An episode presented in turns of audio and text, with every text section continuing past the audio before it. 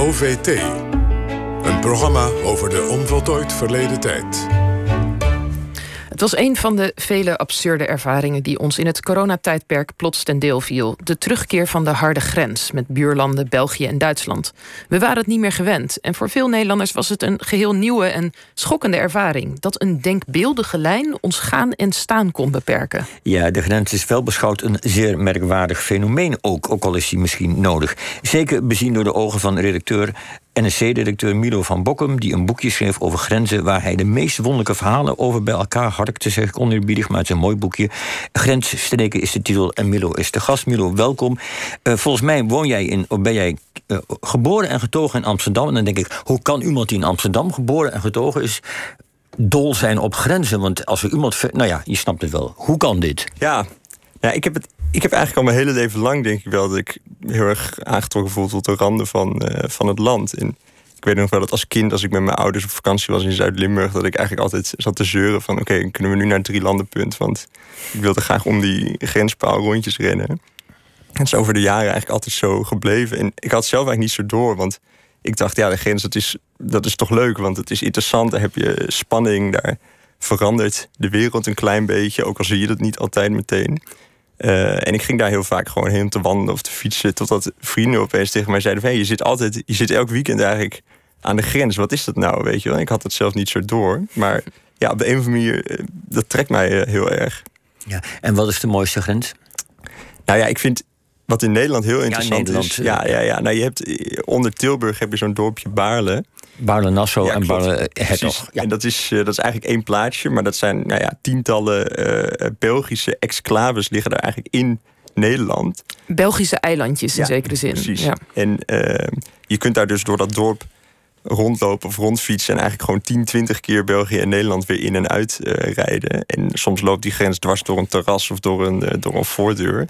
En ja, dat is gewoon, dat voegt een hele nieuwe ervaring toe aan door zo'n dorp lopen. Dit, dit, moet een momentum geweest zijn voor, uh, voor jou. Ja, nee, dat, ik, weet nog, ik ben daarheen gefietst toen ik, nou ja, volgens mij 16 was. En uh, ja, toen heb ik daar de hele dag rondgehangen en gewoon mijn ogen uitgekeken. Maar het grappige is, jij houdt van grenzen. De meeste mensen die, die zouden zeggen... het liefst zie ik een wereld zonder grenzen.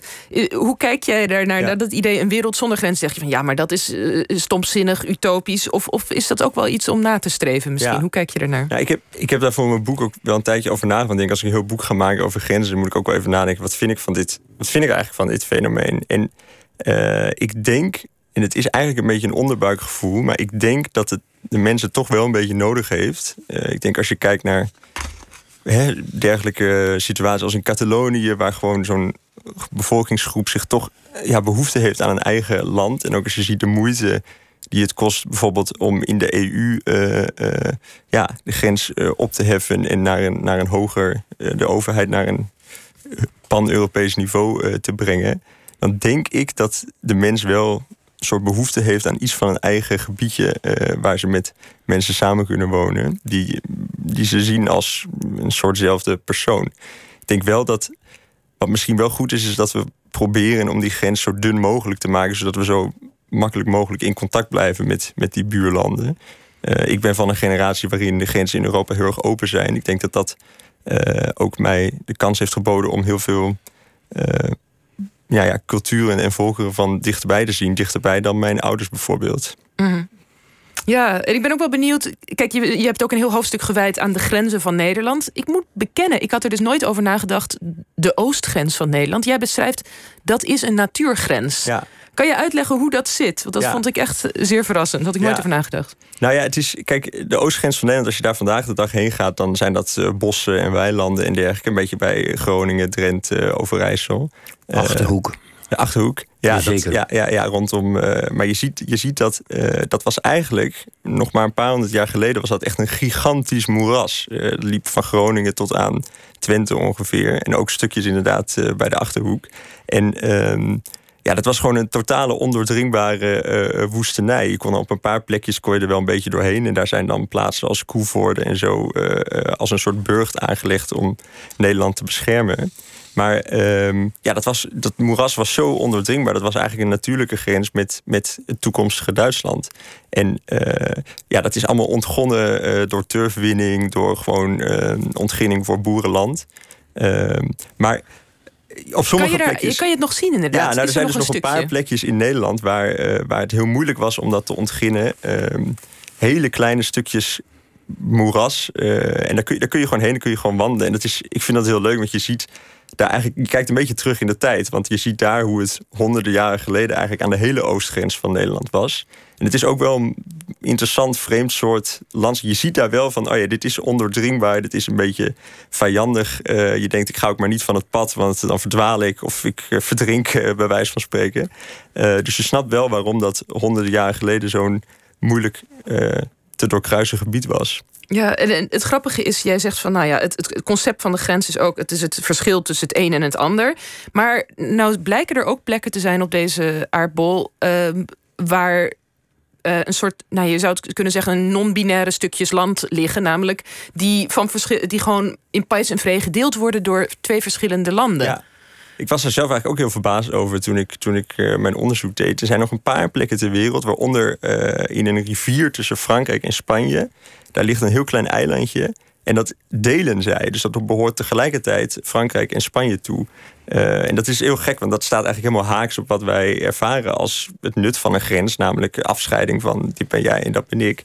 En, uh, en werkt dat dan? Nou ja, dat, met dat eiland gaat het heel goed. Om de, om de zes maanden uh, doet de ene tuin of de ene stadsdienst de planten knippen en zes maanden lang doet de Franse stadsdienst dat.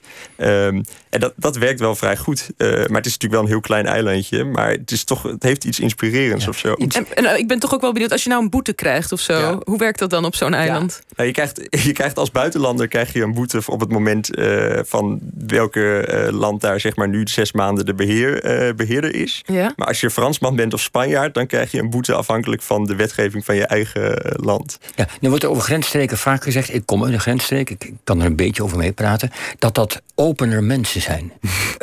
dat die ruimhartiger zijn. Ja. Nou ja, Klopt dat een beetje? Of is dat met wat we op dit moment in de wereld zien... met problemen met nieuwe mensen die het land in willen... klopt dat een beetje? Heb je daarna gekeken? Nou, Tot slot, kun ja, je daar in 30 seconden nog iets over zeggen? Ja, ik, ik, ik, was de afgelopen dagen weer langs de grens van Zeeuws-Vlaanderen aan het, uh, aan het fietsen. Want ja, dat, de, bijna elk weekend, uh, bij wijze van spreken. Maar uh, kijk, je merkt wel dat voor die mensen is... Kijk, ik denk, begonnen over Amsterdam. Voor mij is die grens echt een, een heel interessant ding. Ik denk, als je daarnaast geboren bent, zoals jij... dan ben je er ook heel erg aan gewend. Uh, en dan is het ook veel makkelijker om het over te steken en om met die andere mensen in uh, contact te komen. Dus, dus, ja, dus dat, daar zit misschien nog wel iets van te leren van de, van de grensmens. Um, ja, ik wil je heel erg bedanken. We, hebben niet al te veel tijd, maar um, iedereen moet gewoon jouw boekje kopen. Grensstreken, waarom grenzen liggen waar ze liggen. Want het zit vol met uh, vermakelijke en fascinerende verhalen over de grens. En het is uh, uitgegeven bij Van Oorschot. En dit was